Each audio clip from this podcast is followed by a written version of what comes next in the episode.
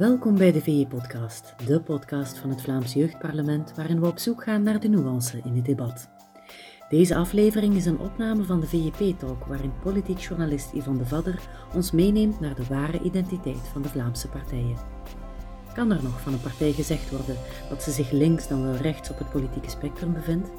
Of kan een partij klakkeloos als progressief of conservatief weggezet worden? Dit gesprek wordt gemodereerd door VEP-bestuurslid Ilse Papen en u heet ik nogmaals van harte welkom.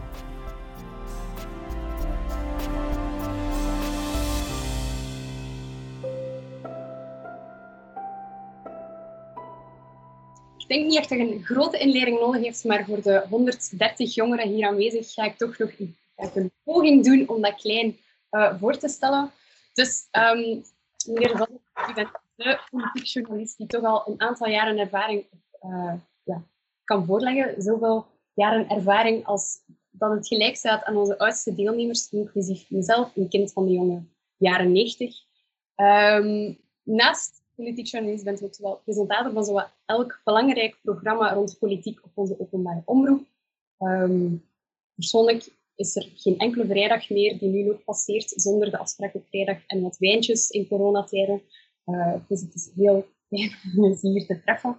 Maar daarnaast heeft u ook al heel veel boeken geschreven, um, waaronder het um, boek het uh, DNA van Vlaanderen, het boek waar wij ons een beetje gebaseerd hebben voor vanavond um, en waar wij straks de jongeren mee aan de slag laten gaan. We hebben aan de hand van een Slido uh, verschillende vragenstellingen en polls opgesteld.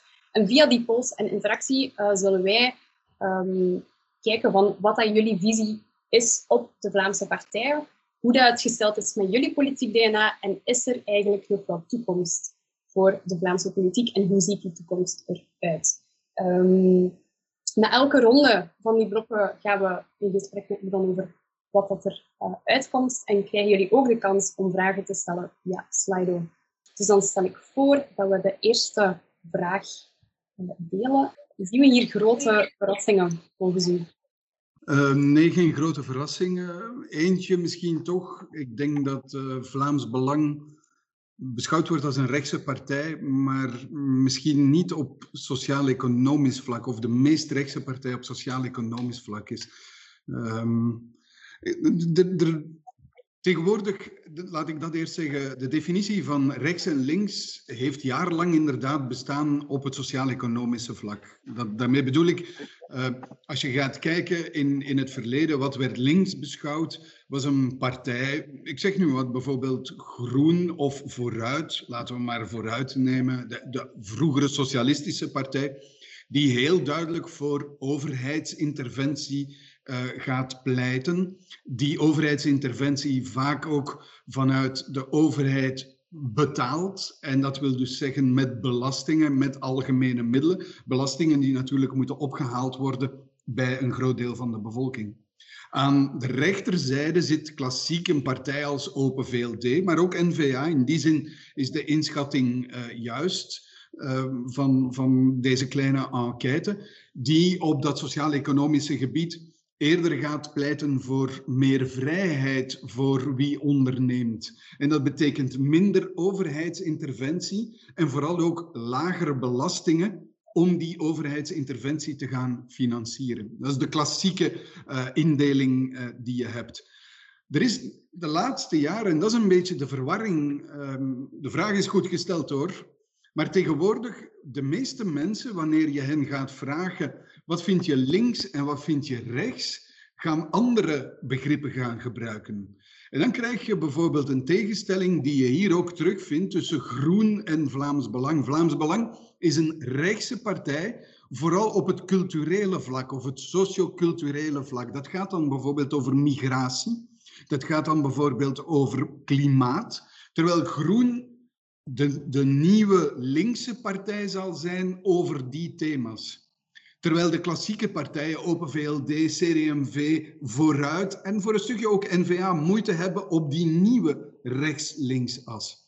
Dus tegenwoordig, als je aan mensen spontaan vraagt wat is links, wat is rechts, gaan ze eerder denken aan migratie, gaan ze eerder denken aan klimaat, dan aan die oude tegenstellingen op dat sociaal-economische. Vlaams Belang is verwarrend in deze zin dat Vlaams Belang rechts zit als het gaat over migratie, rechts zit als het gaat over klimaat, rechts als het gaat ook over hoe je staat in een bepaald mensbeeld, maar wel relatief links op sociaal-economisch gebied uh, staat. Ik ga niet zeggen dat ze extreem links is of zeer links is, maar de partij Vlaams Belang heeft bijvoorbeeld bij de vorige verkiezingen een programma naar voren geschoven dat je behoorlijk centrum, zelfs een beetje centrum-links kan beschouwen. Pleiten voor een verhoging van de laagste pensioenen. Pleiten voor, ze voegt er dan wel elke keer aan toe, voor onze eigen mensen. Uh, pleiten voor uh, allerlei sociale maatregelen die vanuit de overheid gefinancierd worden, dus klassiek links. Natuurlijk wordt er altijd aan toegevoegd voor onze eigen mensen. Dat is dan het aspect uh, Vlaams Belang. Dus in die zin klopt de volgorde. Ik zou Open VLD iets hoger hebben geplaatst, dus iets meer uh, het balkje iets rechtser hebben uh, gezet. Waarschijnlijk zelfs op de eerste plaats, wat mij betreft. Uh, in plaats van de NVA op de tweede plaats. En ik zou CD&V voor Vlaams Belang hebben genomen. Maar voor de rest uh, heb ik de indruk dat het wel goed begrepen is. Oké, okay, dankjewel Ivan voor uw heel duidelijke uitzetting.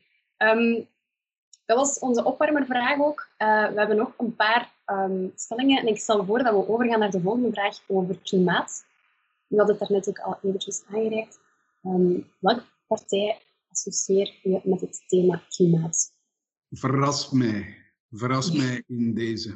Als ik een beetje een teaser mag geven, daarnet uh, in het filmpje van, uh, van de CDMV hadden ze het heel duidelijk uitgelicht dat dat iets is wat ze willen meepakken in hun herschrijven van het uh, nieuwe christendemocratisch verhaal. Maar, maar, maar, dat is natuurlijk de vraag van, je mag die intentie hebben, maar de vraag is, wel, met welke partij associeer je het thema? Dus je vraagt aan de mensen die hier aan het invullen zijn, wie associeert u met dat thema?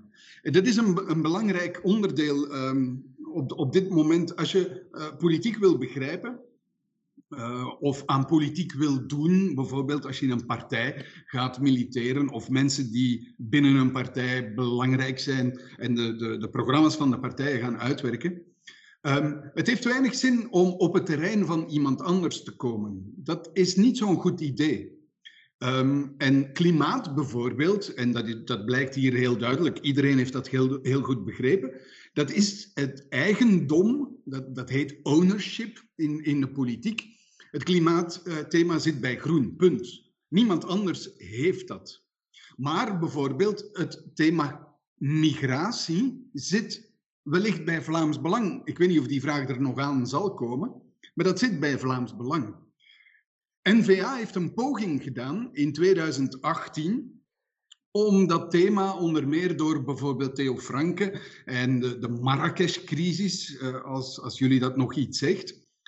NVA heeft zelfs de regering erover laten vallen, over dat thema om dat thema eigenlijk naar N-VA te trekken. De kiezer heeft dat niet geapprecieerd. De kiezer heeft hen daar niet in gevolgd. De kiezer heeft eigenlijk gezegd: sorry, het origineel, namelijk Vlaams Belang, is beter dan de kopie die u naar voren schuift.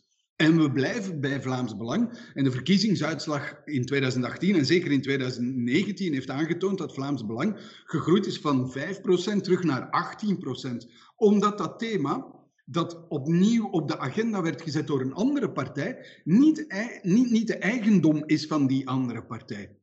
Dus wat Groen moet doen, is vooral zorgen dat ze voorstellen doet in haar eigen thema. Wat de NVA moet doen, is zorgen dat ze voorstellen doet in haar eigen thema. En wat blijkt uit dat onderzoek, de NVA is, thema, is eigenaar van het sociaal-economische. Zoals jullie daarnet ook net geantwoord hebben. Alles wat sociaal-economisch is, goed bestuur, ervoor zorgen dat het land vooruit gaat, dat de bedrijven werken. Dat zit op dit moment bij de NVA, tot ergernis van de VLD, die eigenlijk dat thema zou willen hebben. Bijvoorbeeld een ander uh, thema, gezondheidszorg, dat nu zeer belangrijk is, de, de pandemie, de, de crisis, dat zit eigenlijk bij niemand.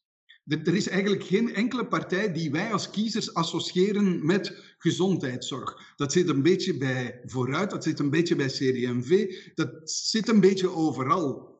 Dus dat betekent dat dat wel een thema is waar partijen zich op kunnen profileren wanneer ze denken dat ze kiezers kunnen proberen te halen. En zo zijn er wel wat andere uh, thema's die belang kunnen hebben en die nog niet uitgedeeld zijn aan uh, de kiezer, of waar de kiezer nog geen associatie maakt.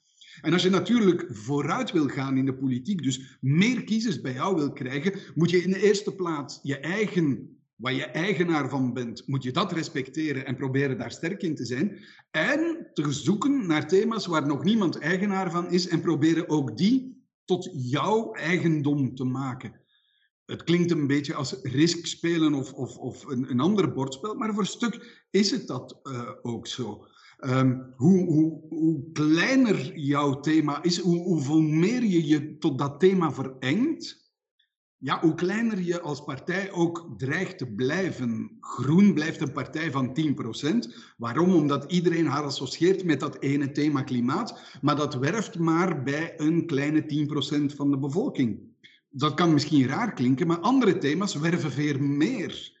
En dus wil je als groen groeien, ga je op zoek moeten gaan naar andere thema's, zonder daarbij op de tenen te trappen van andere eigenaars die kunnen zeggen van jullie horen hier niet thuis. En de kiezer voelt dat eigenlijk vrij goed, vrij goed aan, hoe dat in elkaar zit. Het thema belastingen bijvoorbeeld, dat zit bij de Open VLD in de betekenis van minder belastingen. Het uh, thema um, solidariteit, dat voor een stukje bij gezondheidszorg zit, dat zit bij vooruit. Het thema criminaliteit zit alweer bij Vlaams Belang. Dus je hebt vanuit verschillende um, partijen, ben je eigenlijk eigenaar van een thema. Nee, dankjewel. Um, het is eigenlijk heel toevallig, maar de volgende vraag gaat over gezondheid. Dus laten we meteen eens de test doen. Ja, heel um, nieuwsgierig. Uh, als politieke jeugd het thema associëren. Duidelijk een op- en neergaan van balkjes. Ja, kijk, het, het, verwondert mij niet dat Vooruit en CD&V daar op de eerste plaatsen uh, gaan, gaan komen. Uh, nogmaals, het is uit het, onderzoek dat wij in 2020 hebben gedaan en dat binnenkort herhaald wordt, over een kleine maand uh, zullen we dat thema herhaald, van die owner, op, opnieuw doen van die ownership. Um, blijkt dat het niet, niet duidelijk is, in de zin dat er verschillende partijen een zeker deel van die koek opeisen. Dus um, ja, we zullen kijken, uh, want dat is een onderzoek bij een, een, groot, jullie zijn met hoeveel, een kleine 150. Uh, dat is een onderzoek bij een paar duizend uh, mensen, dat zal ons wellicht iets meer zeggen. Vooral ook omdat het representatief samengesteld is. Jullie zijn jongeren uit een bepaalde groep, leeftijdscategorie, waarschijnlijk ook mensen geïnteresseerd in politiek. Dus dat geeft een, een bepaalde vertekening van het beeld natuurlijk, maar wel interessant.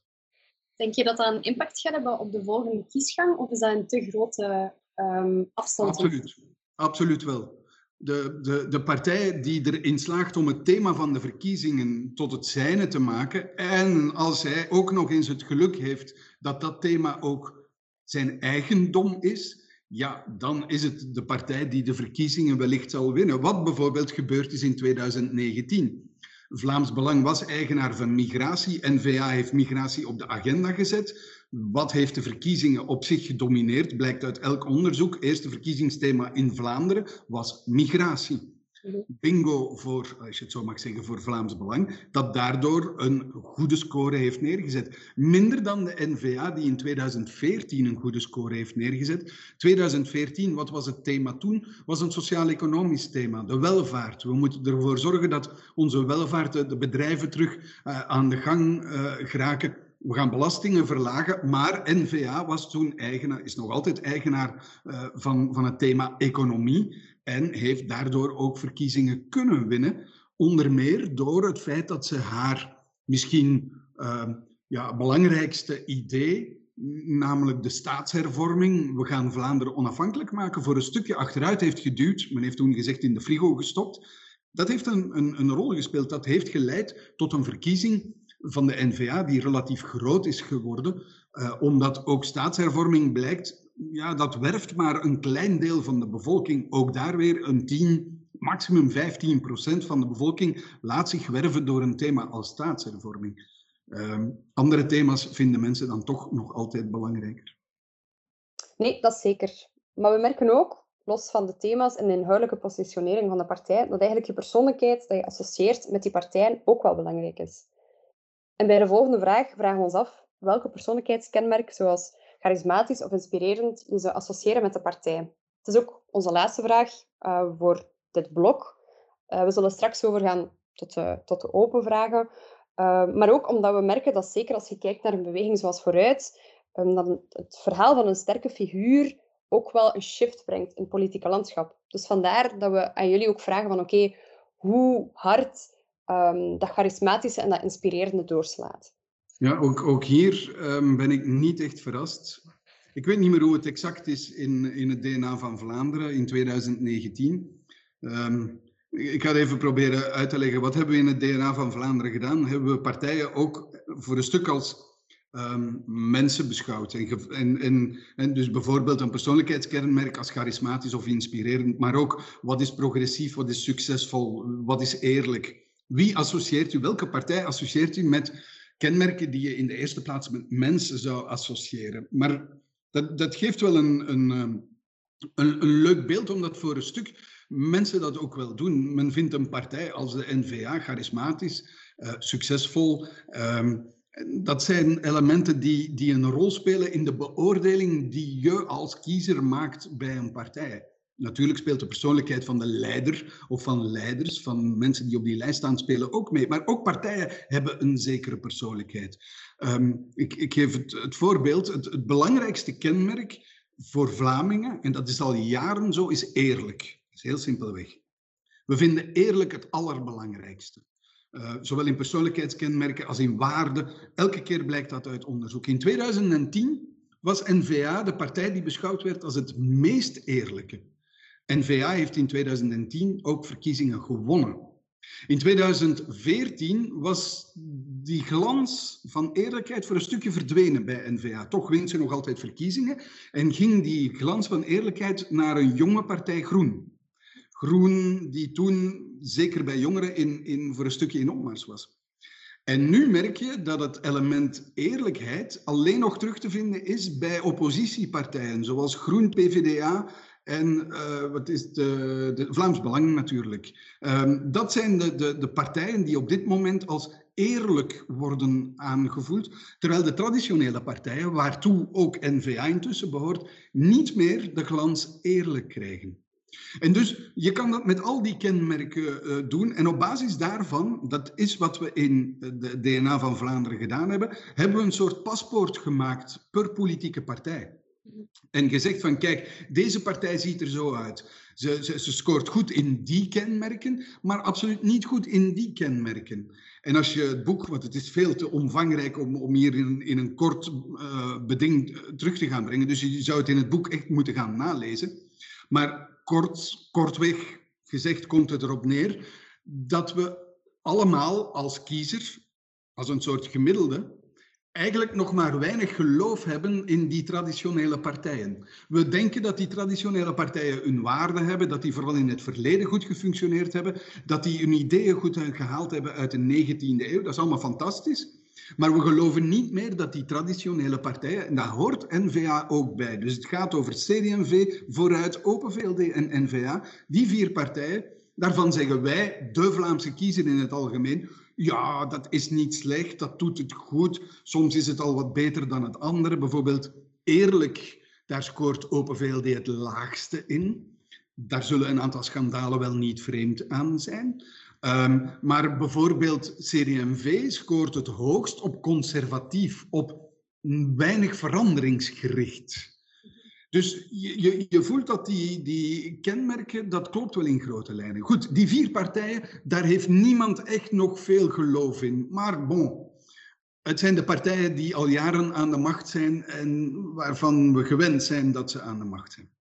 Aan de andere kant heb je, een paar, heb je partijen die in de oppositie zitten op dit moment op verschillende niveaus. Dat zijn Vlaams Belang, maar ook Groen en PVDA.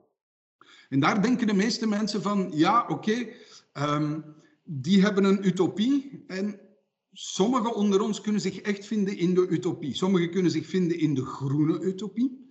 Sommigen vinden zich in de utopie die Vlaams Belang naar voren schuift. Dat is een bepaald wereldbeeld. En nog anderen geloven in de utopie van de PVDA. Een zeer egalitaire uh, samenleving.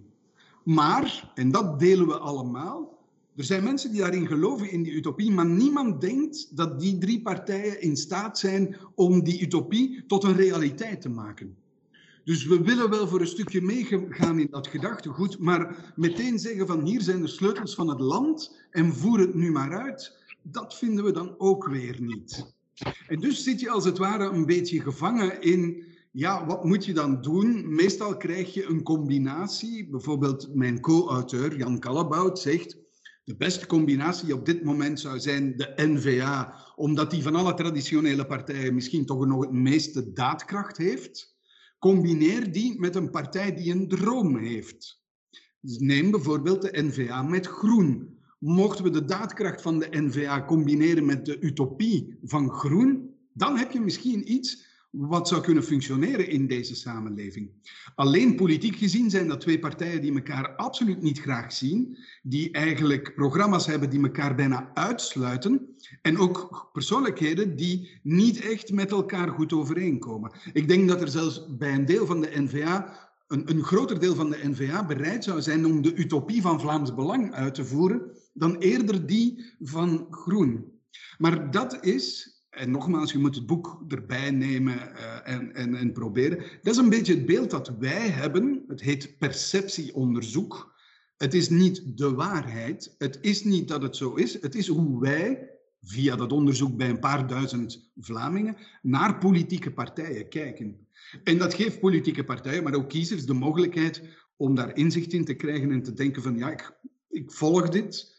Uh, ik verander van partij omdat ik niet wil bij zo'n partij terechtkomen. Of ja, ik, voel, ik voel me daar uh, goed bij. En dat is misschien de meerwaarde um, van de lectuur van een, een, vrij technisch boek als, hetgene, uh, als het DNA van Vlaanderen, zoals we het gemaakt hebben. Dankjewel voor de heldere uiteenzetting. Um, het is ook heel mooi afrondend voor het deel rond partijen. We gaan nu de vragen beantwoorden vanuit het publiek. Um, ik stel voor dat we er een stuk of twee nemen, gezien de tijd die we nog hebben. Um, wacht, hè. We beginnen bij de bovenste. Um, kan u dieper ingaan op de strategie om zich als partij te manifesteren op één bepaald thema? Neigen we dan niet naar een systeem van single-issue politics? Voor een stukje heb ik daar, um, daar net eigenlijk al op, op geantwoord.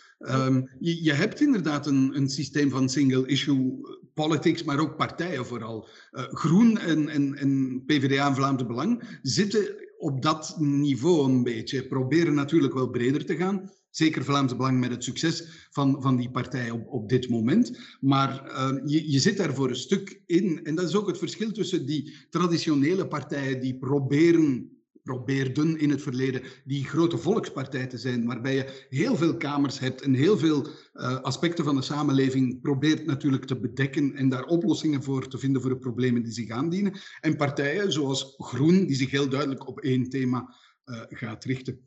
Op zich valt dat nog mee. Uh, Nederland gaat veel verder. In Nederland heb je een partij voor de ouderen, je hebt een partij voor de dieren, je hebt een partij voor de uh, Turks, uh, allochtonen, ik gebruik dat woord niet graag. Dus mensen met een migratieachtergrond die uit Turkije komt, heel specifiek Turkije, de partij Denk.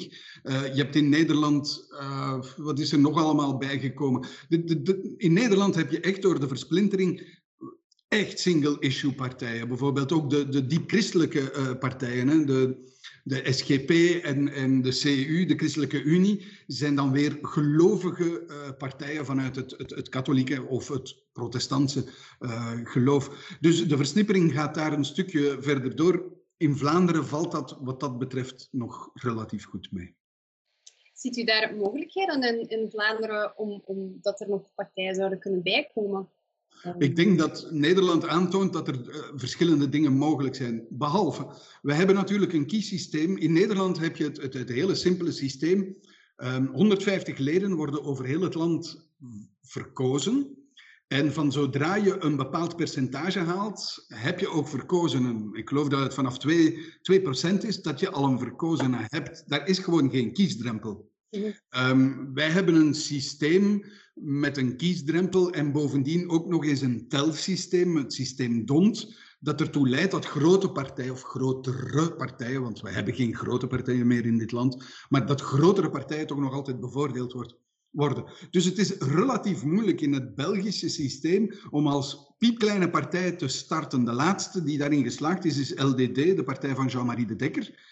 En ja, die is intussen ook alweer ter ziele gegaan. Jean-Marie heeft zich moeten tot de NVA bekeren om daar als onafhankelijke op de lijst te gaan staan, om toch nog een kans te maken om, om verkozen te raken. Dus het, um, het systeem in België, het kiessysteem, laat niet zo toe of om, om daarmee aan de slag te gaan met die single-issue partijen. Je moet toch een beetje uh, breedte hebben. Nu, pas op, uh, men, men is heel sterk aan het denken in de politiek in, in de Verenigde Staten wordt de term gerrymandering uh, gebruikt. Ik weet niet, ja, ik zie een aantal mensen knikken. Dus uh, gerrymandering is, simpelweg het um, vertekenen, hertekenen van kiesdistricten, waarbij je, laten we maar zeggen, de straten neemt waarbij jij of jouw partij sterk staat en net de straten uitsluit, um, of districten of counties uitsluit, waarbij de andere partij sterk staat. In C hebben wij ook dat soort uh, elementen. Het feit dat we provinciale kieskringen op een bepaald moment in 2003 hebben geïntroduceerd, in plaats van de kleinere kieskringen uit het uh, verleden, ja, dat is eigenlijk iets wat een bevoordeling geeft voor grote partijen. We hebben een stemsysteem, het systeem DONT, dat grote partijen bevoordeelt. Dus ook daar zit een vorm van gerrymandering in, omdat het waren de liberalen en de socialisten die die provinciale kieskringen hebben ingevoerd, ten nadele van de Volkspartij CD&V, die eigenlijk sterk stond of sterker stond in die relatief kleinere uh, kieskringen. Dus daar wordt ook in ons systeem mee gespeeld. Het is niet zo duidelijk als gerrymandering, waar je gewoon de kaarten uh, moet zien, maar er wordt wel mee gespeeld, effectief stel voor dat we nog één vraagje uit het publiek behandelen voordat we naar het volgende um, thema gaan. En dat is de vraag van Ine uh, Poesmans. Um... Denkt u dat het klimaatbeleid van Groen niets maakt door hun voorgestelde belastingverhogingen en dat PvdA daar op termijn een groter draagvlak voor creëert? Ja, dat is natuurlijk, daar zitten veel, veel stellingen in die vraag. Hè. Is het wordt het klimaatbeleid van Groen niet Um, moet ik zeggen, gesmaakt. Ja, voor een stuk blijkt dat wel zo te zijn. Um, de partij is niet zwaar ge ge gegroeid bij de vorige verkiezingen. Uh, langs de andere kant is, denk ik, klimaat en milieu, en dat wordt door elkaar gebruikt, maar men bedoelt daar wel verschillende dingen mee, is een om, zodanig omvattend thema aan, aan het worden, dat je merkt dat ook andere partijen op dat terrein aan het komen zijn. Uh, ik geef maar het voorbeeld van Zoual Demir, is een NVA-minister in de Vlaamse regering, minister van uh, Leefmilieu. En zij probeert wel degelijk met maatregelen ook haar partij op de kaart van groen te plaatsen. Uh, ik heb daarnet uitgelegd, groen is de eigenaar. We zullen zien of dat, dat functioneert, of dat mensen de, de pogingen van de NVA om op dat domein te komen zullen appreciëren. Maar ik denk dat klimaat een, een steviger ehm, impact gaat hebben op verkiezingen dan pakweg een tiental jaar geleden.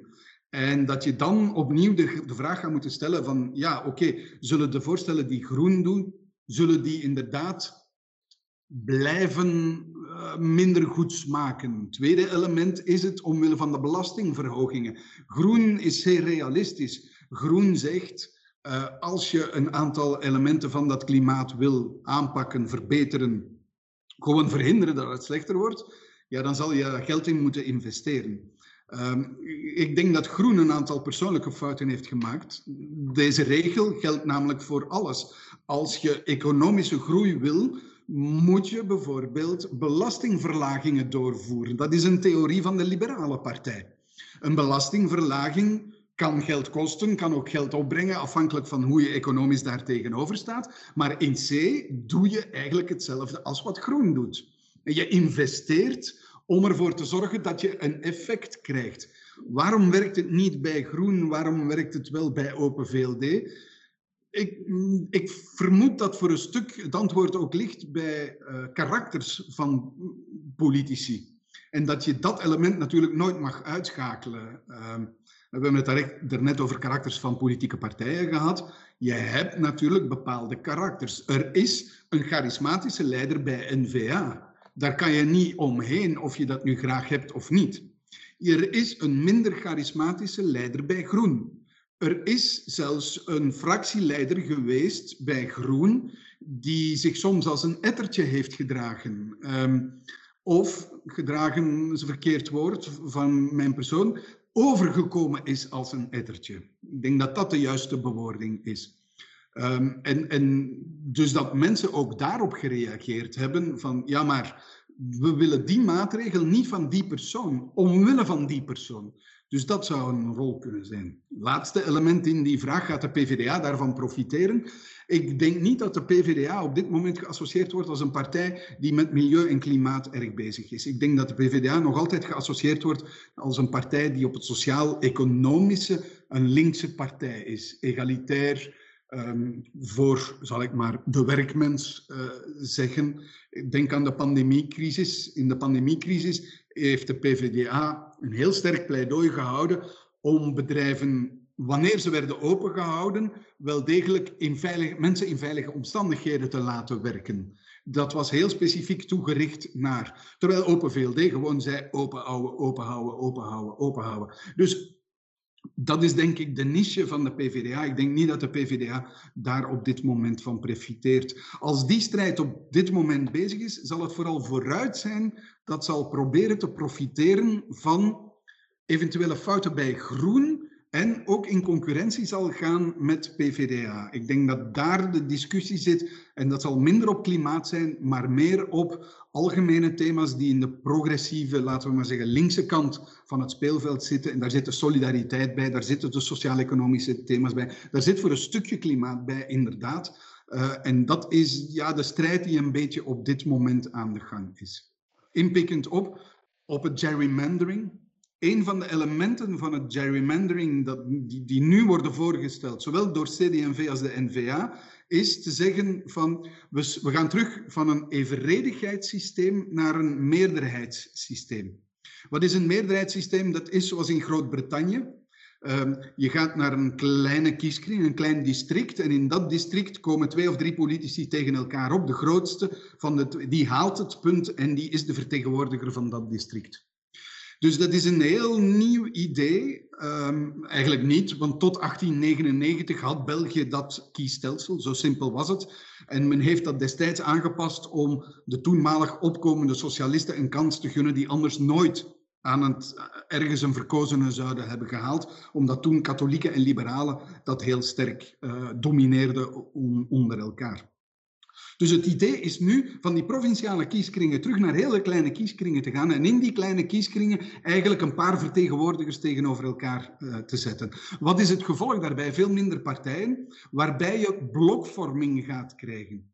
Je gaat dus wellicht een centrumblok krijgen, en daar droomt Bart de Wever van, en een linksblok, en daar droomt Conor Rousseau van. En in dat linkse blok zitten dan Groen, Vooruit en PVDA. In dat centrumblok zitten dan NVA, CD&V en Open VLD. En dan is er het extreemrechtse blok, waar Vlaams Belang in zit, waar niemand echt mee wil functioneren of, of je dat nu graag hebt of niet, maar dat blijft nog altijd een politieke realiteit. En met die drie blokken ga je dan naar verkiezingen in kleine kieskringen met uiteindelijk als mogelijke uitkomst een van die drie die het haalt en die meteen naar het parlement gaat. Dat is wat er op dit moment. En dus als ik daarnet het had over die strijd aan de linkerzijde tussen die drie partijen, dan moet je dat ook in gedachten houden. Dat is met het idee om misschien tot dat linkse blok te komen. Maar goed, zover zijn we nog niet. Maar daar wordt over gepraat op dit moment. Nee, dat is inderdaad wel een heel goede stelling over die blokken. Um, maar nu zouden we even willen inzoomen over, oké, wie zijn de jongeren dat we hier nu vanavond hebben? Hoe uh, positioneren zij zich op het, op het politieke veld? Uh, wat zijn de thema's die zij nu belangrijk vinden? Um, we gaan open even de poll en dan zie je meteen beweging. Ja, nat natuurlijk um, met deze definities.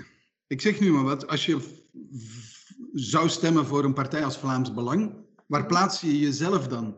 Mhm. Vind je dat je rechts bent of vind je dat je extreem rechts bent? Mm -hmm. dus dat is natuurlijk het, het, um, het, het, misleidende tussen aanhalingstekens van deze voorstelling. Je, je, je geeft een dubbele interpretatie. Je kan zeggen van ik stem voor uh, Vlaams Belang, maar ik vind dat gewoon een rechtse, misschien zelfs een centrumrechtse partij. Uh, al vindt de rest van de wereld dat niet. En dus ik kies voor centrumrechts. Eigenlijk zou je de vraag moeten stellen aan de hand van, van partijen. Uh, dat zou me wel interesseren. Ik leg even uit waarom. Um, ik weet niet van welke leeftijdscategorie jullie exact zijn. Um, 18, 21, 22? Is, is het dat ongeveer of zitten er nog oudere mensen? 17 tot 27. Ah, er zitten ook oudere mensen. Oké, okay, uh, het, het, blijkt namelijk dat de, de first voters, dus vandaar dat ik, mochten jullie tot die uh, onderste groep behoord hebben, namelijk de, de jongste, de allerjongste, is het zeer boeiend om, om te zien. Die worden beschouwd als de kanariepietjes van, van, van de politiek. Uh, vergelijkbaar met de kanariepietjes in de koolmijn. Uh, spijtig genoeg stierven die wanneer er gas was. Maar het beeld is er wel. Wanneer bij die allerjongste groep van politieke kiezers, die eigenlijk meestal um, nog heel weinig beïnvloed zijn. Misschien de ouders, misschien wat kranten, maar heel vaak zijn dat um, argeloze kiezers die nog niet al te veel beïnvloeding hebben gekregen. En zie je daar fenomenen opduiken die zich later doorzetten in de samenleving. Ik bedoel daarmee de komst van een partij als N-VA, de komst van een partij als Vlaams Belang. Dus vandaar het, het beeld Canariepietjes, um, om, omdat je daar heel goed aanvoelt van, ah kijk, dat is er aan de, aan de hand in de samenleving en wellicht gaan we binnen een aantal jaren wel zien hoe dat doordesemt uh, in, in, in de samenleving. Goed, jullie zijn een stukje ouder. Ik heb begrepen dat Centrum Rechts het uh, gehaald heeft. Um, ja, dat maakt een verschil met mijn jeugd. Toen ik jong was, was dat vloeken in de kerk en zou je waarschijnlijk daar centrum links tot links hebben gekregen bij een grote groep mensen. Gewoon los daarvan, omdat de samenleving ook vond dat ze zich zo moest, moest voorstellen. In die zin zijn jullie een doorsnede uh, van de samenleving op, op dit moment. En voel je je ook, of zou je je moeten vertegenwoordigd voelen door op zijn minst de Vlaamse regering, in wellicht mindere mate de federale regering, waar toch wel wat meer linkse uh, partijen deel uitmaken van die federale regering. Dus dat zal wellicht ook wel een, een rol spelen. We hebben, we hebben toch een vraag ingewilligd en we, we hebben toch snel even die, die poll gecreëerd. En het is, zoals dat jullie ook wel wat voorspelde. Ja, maar, maar uh, wel, wel mooi. Um, bedoel, PvdA haalt hier een, een, een goed resultaat. Beter dan uh, op dit moment in de Vlaamse samenleving. Um, niet in de Brusselse, ook niet in de Waalse samenleving. Daar zit die partij al op dat niveau dat kan een betekenis hebben. Jullie zijn natuurlijk een kleine groep die niet representatief is. Dus dat, dat geeft natuurlijk wel een, een vertekening. Um, maar kijk, uh, ook Open VLD is groter dan NVA. Dat is niet op dit moment de realiteit in de Vlaamse samenleving. Uh, maar het is wel boeiend om, om, om eens te zien hoe er uh, gestemd wordt, eerlijk gezegd. Mij verwondert het dat Vlaams Belang zo, zo laag staat. Um, nogmaals, ook daar in de samenleving. En mijn ervaring bij jongeren, wanneer ik ga spreken voor, voor jonge verenigingen en, enzovoort, is een, uh, ja, een, een zeer grote toegankelijkheid van jongeren voor een partij als Vlaams Belang op dit moment. Met een heel belangrijke vraag. Um, jongeren, en ik weet niet of jullie daartoe ook, ook behoren, snappen uh, het cordon sanitair niet. Um, hebben de, de, de, de geschiedenis van dat fenomeen niet meegemaakt, weten ook niet waar het vandaan komt, uit welke periode, want het dateert uit het eind van de jaren 70 van de vorige eeuw, begin jaren 80 van de vorige eeuw. En er zit ook een connotatie in met een, een geschiedenis die nog een stuk verder doorgaat, uh, namelijk Tweede Wereldoorlog, uh, collaboratie en de band die de voorlopers van Vlaams Belang, namelijk Vlaams Blok, hadden en voor een stuk volksunie met die uh, collaboratie. En dat is nu volledig weg. En, en, jongeren stellen zich daar heel veel vragen bij, namelijk bij het systeem cordon sanitaire. Het betekent dat geen enkele andere partij eigenlijk op voorhand zegt van we willen niet met u besturen, wij willen niet met u een coalitieakkoord uh, aangaan. En uh, heel veel jongeren, dat is mijn ervaring, hebben daar vragen bij. Om nu, we hebben nu inderdaad wat de politieke verdeling gedaan, maar waar we ook uh, naar benieuwd zijn, zijn welke thema's um, ja. die wij hier aan bod laten komen. We hebben nu net gezien hè, dat de liberalen bijna met, met een vierde vertegenwoordigd waren. Maar hoe vertaalt zich dat naar de thema's? Ehm, dus we vragen, wat is voor jou, en nu richt ik mij naar de jeugd hier aanwezig, het, um, wat zijn de belangrijkste thema's? En dat is een ranking die ze kunnen maken. We laten die eventjes lopen. Ja, met een, een uh, inderdaad, als je met een, een groep, uh, toch een, een goed kwart, 25 tot 30 procent open VLD zit, dan is het niet onlogisch dat je economie op, op de eerste plaats uh, gaat krijgen. Ik had gezondheid hoger verwacht. Mm -hmm. Um, omwille van, van de pandemie, maar misschien is men dat thema ook wel uh, voor een stuk beu.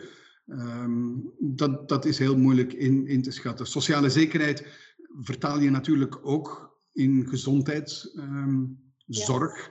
Um, ja. de, de manier hoe bijvoorbeeld ziekenhuizen op dit moment volhouden. Als dat de vertaling daarvan is, ja. Economie, ja, absoluut. Als je gaat kijken hoe bepaalde sectoren ook moeite zullen hebben om, om dit te overleven. Uh, zeker milieu, ik denk ook bij jongeren, vind ik zeer logisch uh, bovenaan. Werkgelegenheid hetzelfde. Ik associeer dat ook met dat, dat economie. En gezondheid, als je sociale zekerheid en gezondheid samentelt, kom je daar ook wel wat uh, aan. Migratie en criminaliteit zijn thema's van 2018, 2019. Ik denk dat die voor een stuk op dit moment um, weggeduwd worden door de thema's uh, op dit moment. Pandemiecrisis, economische crisis. Hoe gaan we dit overleven? Wat gaat de volgende stap zijn? Um, gaan bedrijven nog kunnen functioneren? Ja, ik vind dit een vrij goede. Um, ik zeg het, binnen een maand doen wij het in heel Vlaanderen. Uh, opnieuw, het zou wel eens kunnen dat we hier heel dicht bij eindigen bij, bij dit resultaat. Dan stel ik voor dat we overgaan naar open vragen um, over, over het thema dat we nu hebben behandeld. Uh, ik ga eens kijken als er al vragen zijn binnengekomen die hiermee te maken hebben. Um, mag, ik, mag ik nummer 1 eens doen? Tuurlijk. D66, dag Talia. Een van de winnaars van de verkiezingen in Nederland. Zou zo'n partij het goed doen in Vlaanderen? Zitten er gaten in ons politiek spectrum? Vooral die, dat laatste. Uh, nee, ik denk niet dat D66 het goed zou doen. De VLD zit daar, wat mij betreft, veel te dicht uh, tegen. Um, de, de D66 associeer ik met de VLD, zoals ze hier bestaat. En de VVD associeer ik meer met uh, wat N-VA uh, op, op dit moment voorstelt. D66 is het zo, het, het, droomidee waar ooit um, Spirit, uh, ik weet niet of, of dat jullie nog iets zegt, een piepkleine partij van Bertancio, die uh, in kartel heeft kunnen overleven samen met uh, de, de, socialisten nu, nu vooruit, maar die eigenlijk nooit een eigen leven beschoren was. De eerste keer dat wij met de VRT een stemtest deden, een, een, stemtest, dus aan de hand van, je, vraagt, je, je vult een aantal vragen in, je krijgt op het einde een soort stemadvies uh, eigenlijk, was Spirit de, de, de winnaar van iedereen. Iedereen wou Spirit worden, behalve dat het gewoon niet werkte en dat bij de verkiezingen Spirit minder dan 3% had. Dus dat was een soort droom, ideale droom, die nooit gewerkt heeft. Maar de vraag, zijn er gaten in ons uh, uh, systeem? Ja. In Vlaanderen zijn alle partijen, zowel sociaal-economisch rechts als sociaal-cultureel. Uh, wacht, excuseer me. Zijn alle partijen sociaal-cultureel rechts en sociaal-economisch links? Als je dus de vier kwadranten gaat uh, nemen, zitten onze partijen altijd op deze as. Namelijk sociaal-economisch links. Daar zitten dan de SPA's, uh, PVDA. En dan bovenaan ga je partijen als Vlaams Belang krijgen die meer naar boven worden geduwd door dat sociaal-culturele. Op die assen zit niemand. Dus er, zijn, er is bijvoorbeeld ruimte voor een partij die sociaal-economisch links is, maar sociaal-cultureel rechts. Bijvoorbeeld de Deense socialisten. De Deense socialisten hebben gescoord door zich sociaal-economisch links te gedragen, zoals een klassieke socialistische partij, maar sociaal-cultureel zich eigenlijk als een heel gesloten, bijna Vlaams Belangachtige partij te gaan opstellen in dossiers als migratie. En dat hebben wij in Vlaanderen niet. Dat is het gat in de markt. In Franstalig België is het gat nog simpeler. Alles is daar links. Er is niks wat verder dan het centrum naar rechts gaat. De MR is nog altijd linkser dan onze SPA als je in de standpunten gaat kijken. Dus in Franstalig België heb je een gigantisch gat aan de rechterzijde. Alleen, je vindt er blijkbaar ook geen kiezers voor. Alle kiezers gaan ook naar die linkerkant. Dus is het misschien utopisch om te denken dat je daar een gat hebt en je daar gaan positioneren als geen enkele kiezer tot je aangetrokken is en meegaat naar dat punt. Dus het gat in de markt vinden is niet alleen zoeken waar de plek zich bevindt. Daar zouden er wel eens veel kunnen een idee halen. Maar je moet natuurlijk kiezers overtuigen dat dat een zeker ehm, ja, nuttigheid heeft en dat je dat nut ook kan bewijzen in het beleid uh, dat je zou kunnen voeren. En dat is ongelooflijk moeilijk. Dat is ook het probleem. De meeste partijen gaan grijpen terug op dit moment naar hun ideologie die dateert uit de 19e eeuw. Socialisme, 19e eeuw. Communisme, 19e eeuw. Als ik communist, PvdA, communisme. Uh, liberalisme, 19e eeuw.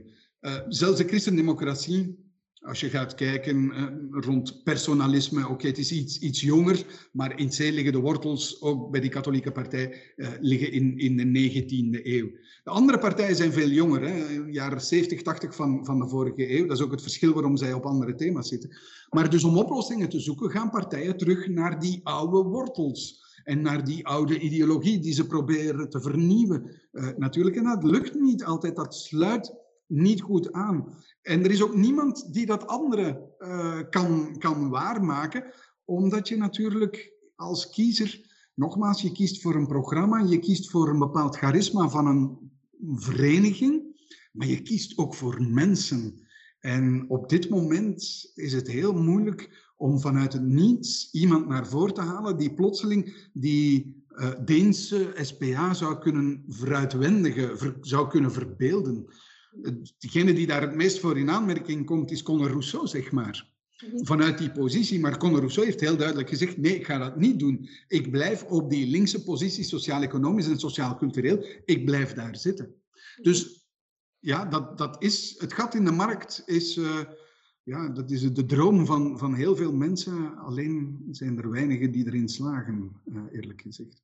Nee, want u gaf nu zelf aan dat, dat eigenlijk wanneer partijen vernieuwing willen brengen, ze te, teruggrijpen naar, naar die 19e-eeuwse concepten. Um, u gaf dan ook al aan dat, dat, dat, de Denen daar beter in geslaagd zijn. Maar, maar gelooft u eigenlijk nog, allee, je hebt nu een carrière van, van 28 uh, à 30 jaar, gelooft u eigenlijk echt nog in die politieke vernieuwing, dat dat altijd zo terugkomt? Of, of is dat zoals al gezegd, zijn dat die mensen, zijn dat die figuren die dat zo... Uh, vernieuwing om de vernieuwing interesseert mij niet. Mm -hmm. Dus een nieuw label uh, kleven, een nieuwe naam, een, al dat soort uh, dingen. We gaan ons programma eens opfrissen, we gaan de statuten eens opfrissen.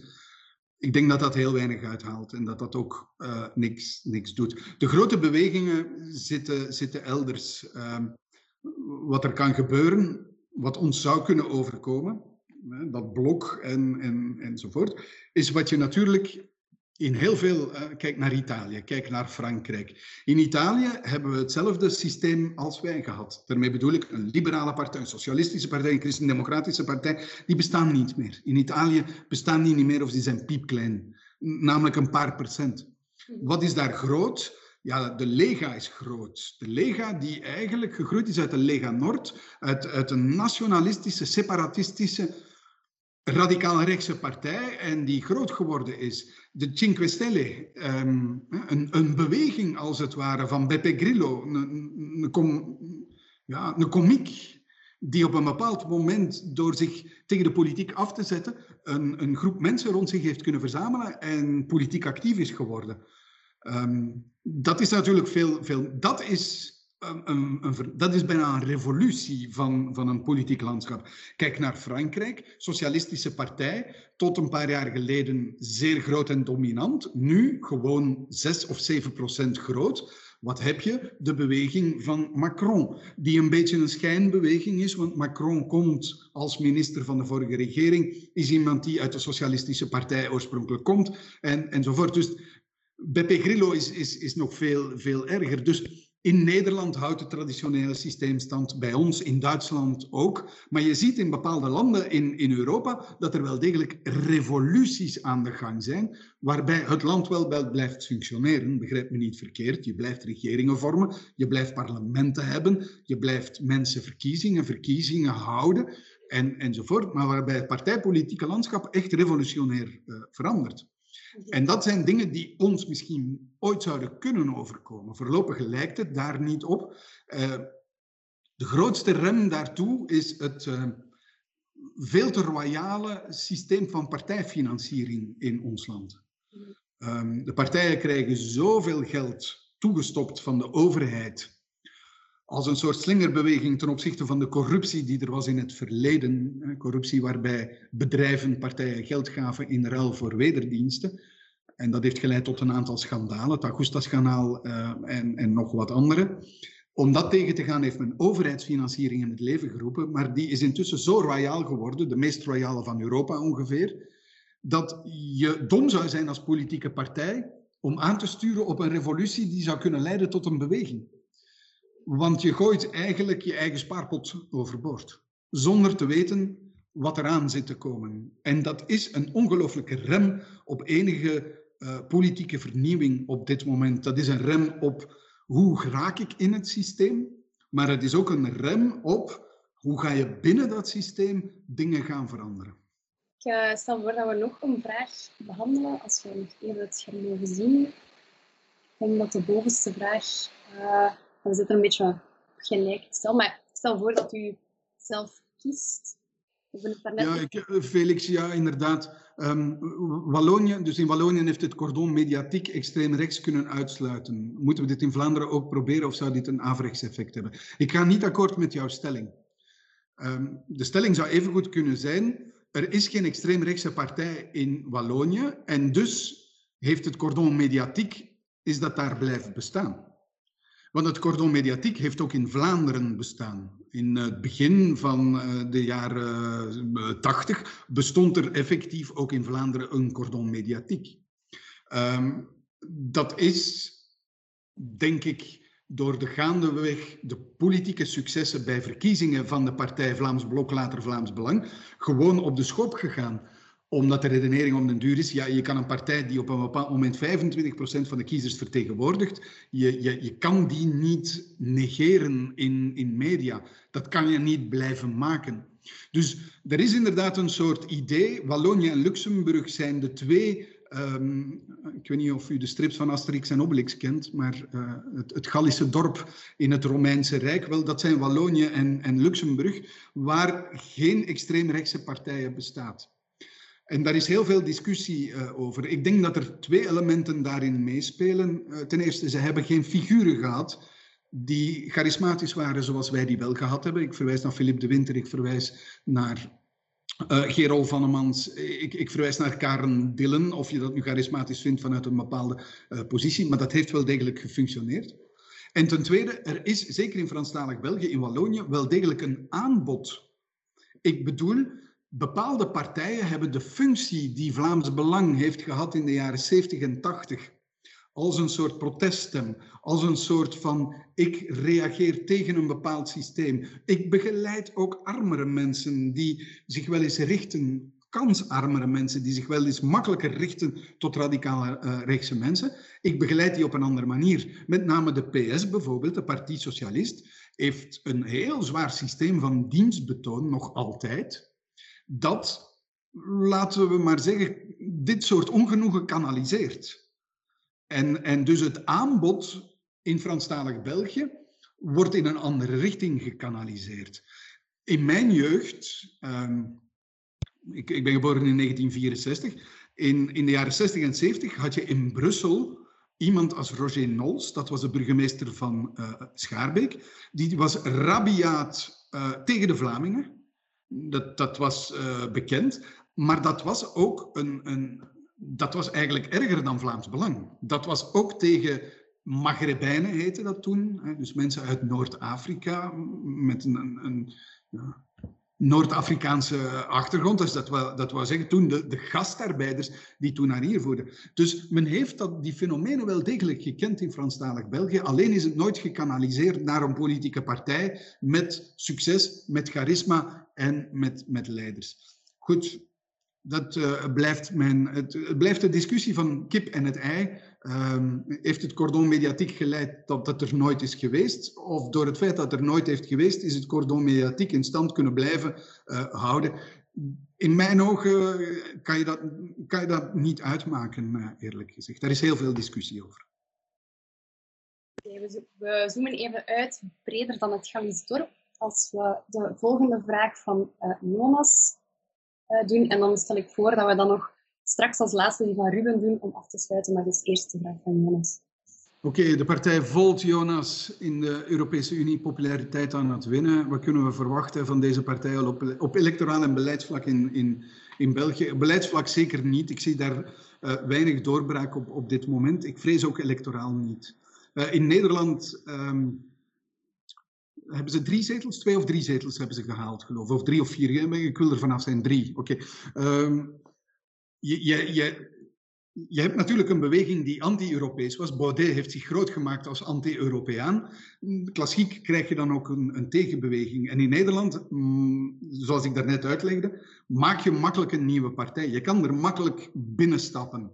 Uh, of die partij ooit iets gaat realiseren, dat, dat blijft ook, ook de vraag.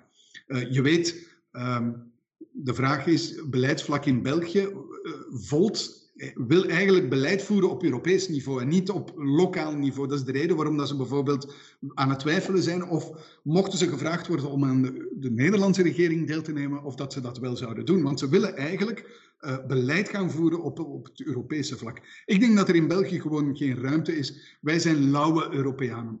Voor ons doet dat er heel weinig toe, blijkt uit elk onderzoek.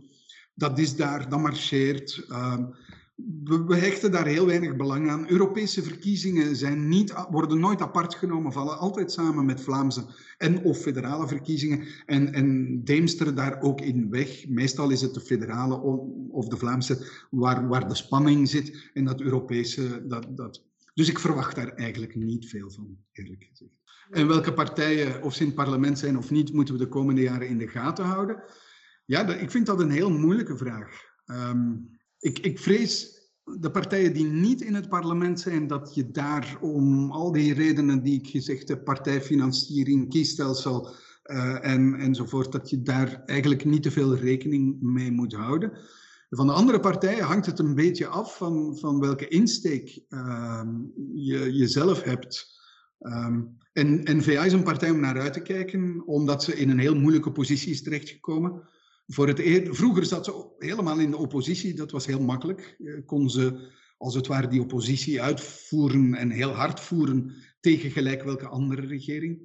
Ze zat in de meerderheid, dat is haar voor een stuk niet zo goed afgegaan. En nu zit ze half in de meerderheid, half niet in de meerderheid, in de oppositie. Dat is een heel moeilijke positie. Dat is constant wikken en wegen wat je moet doen. En de vraag is, hoe gaat dat uitdraaien? En voor mij, de andere partijen waar ik naar uitkijk, zijn de linkse partijen in de Vivaldi-regering. omdat, uh, links daarmee bedoel ik uh, vooruit en, en, en vooral groen, omdat die um, vooruit is een heel nieuwe partij geworden. Daar, daar is eigenlijk iedereen die een beetje ervaring had, is daar weg. Daar zitten gewoon jonge mensen aan, aan het stuur. Dat is een experiment dat mij nieuwsgierig maakt ook met het idee, met hetzelfde probleem als de NVA, wel in de federale, niet in de Vlaamse. Hoe gaan jullie daarmee omgaan? En, en groen is altijd een heel moeilijk experiment in, in een uh, regering. Um, dat heeft te maken met de, het ideeëngoed. Uh, dat heeft ook met de persoonlijkheden uh, te maken. En bijvoorbeeld op dit moment is dat Georges Chilquinet, de minister van Mobiliteit, de baas van de spoorwegen, waar je, je voelt dat die spanning al meteen duidelijk komt met Sophie Duterdoir. krijg je een idee van iedereen moet aan het venster zitten. En dan wordt er eigenlijk vanuit de spoorwegen een middenvinger opgestoken naar de minister en gezegd van we gaan dat gewoon niet doen. Oké, ze hebben zich nu bij neergelegd en ze doen het wel, maar je voelt dat die spanning daarin zit en, en dat dat utopische, dat, dat groen toch nog altijd uitdraagt, dat dat blijft botsen met een realo politiek die je in een regering moet blijven uh, naar, naar, naar voren schuiven. Maar goed, ik ben even nieuwsgierig naar, gaat de CD&V erin slagen om haar vernieuwing uh, erdoor te duwen? Want ze heeft net een voorzitter gekozen die geen vernieuwing uitstraalt en die eigenlijk uitstraalt back to the future. Maar ja, back, daar valt niet veel meer te rapen. En de future ziet er misschien niet zo denderend uit, dus dat benieuwt mij ook. En bij de VLD benieuwt mij of men erin gaat slagen om het succes van die ene figuur, Alexander de Croo, op de hele partij uh, te laten uh, afwentelen. Of de partij dus baat zal hebben, men, men noemt dat een kanseliersbonus, naar het Duitse woord. Um, wie kansler is, krijgt meestal een bonus um, als, als figuur, maar krijgt die partij dat ook? Gaat die partij dat ook meenemen? Um, je hebt wel een aantal schandalen op dit moment uh, bij, bij de liberalen. Hè? Denk maar aan Siam El-Kawakibi, die, die toch, ja, waar, waar toch heel veel discussie uh, over, over is. Dus in, in C, en dat is eigenlijk mijn cliché-antwoord, ik kijk uit naar al die partijen, omdat ik bij elk van die partijen wel een uitdaging zie voor, voor de toekomst en hoe die positie gaat ver, verdedigd uh, worden. Ik verwacht ook niks van die partijen, want dat zou misschien een tweede vraag kunnen zijn, maar je kijkt er naar uit, maar wat verwacht je? Wie gaat er winnen? Wie gaat er... Ik, ik vind dat zeer moeilijk. Um, verkiezingen, dus winnen en verliezen is bij verkiezingen. Verkiezingen zijn in 2024. Dat is nog drie jaar. Dat is, dat is een andere planeet. Um, men begon in 2014 aan een uh, regering die ging besparen en, en die de begroting op orde ging zetten. En plotseling waren er de aanslagen en plotseling uh, kwam er uh, een, een, wat zeg ik, een aantal miljoenen migranten gewoon overgemarcheerd naar hier. En plotseling zat je in twee andere totaal andere werelden dan in 2014. Dus ik pas op de vraag van wat in 2024. Uh, eh, bel nog eens terug, zou ik zeggen dan. Wel met uh, dat mooie verzoek dat we je nog eens mogen terugbellen en we gaan dat zeker opschrijven. Um, sluit ik deze hele fijne avond af, want ik heb wel het gevoel dat we eigenlijk tot de gat in de nacht zouden kunnen verder gaan. Uh, maar ik bedank u heel hard, Ivan, om hier vanavond bij ons aanwezig te zijn. Het was super, super interessant. Dat was het voor deze aflevering. Hoe denk jij over de Vlaamse partijen? Heb je vragen of opmerkingen? Laat het ons weten via Twitter, Facebook of Instagram.